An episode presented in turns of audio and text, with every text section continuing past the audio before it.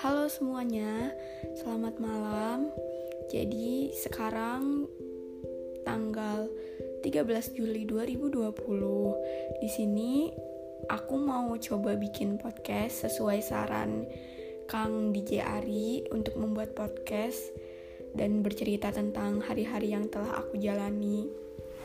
Jadi tadi pagi atau tepatnya kemarin aku tuh nggak tidur aku tidak memenuhi kebutuhan tidur aku dengan cukup aku tuh cuma tidur sekitar 2 jam atau 3 jam di malam hari.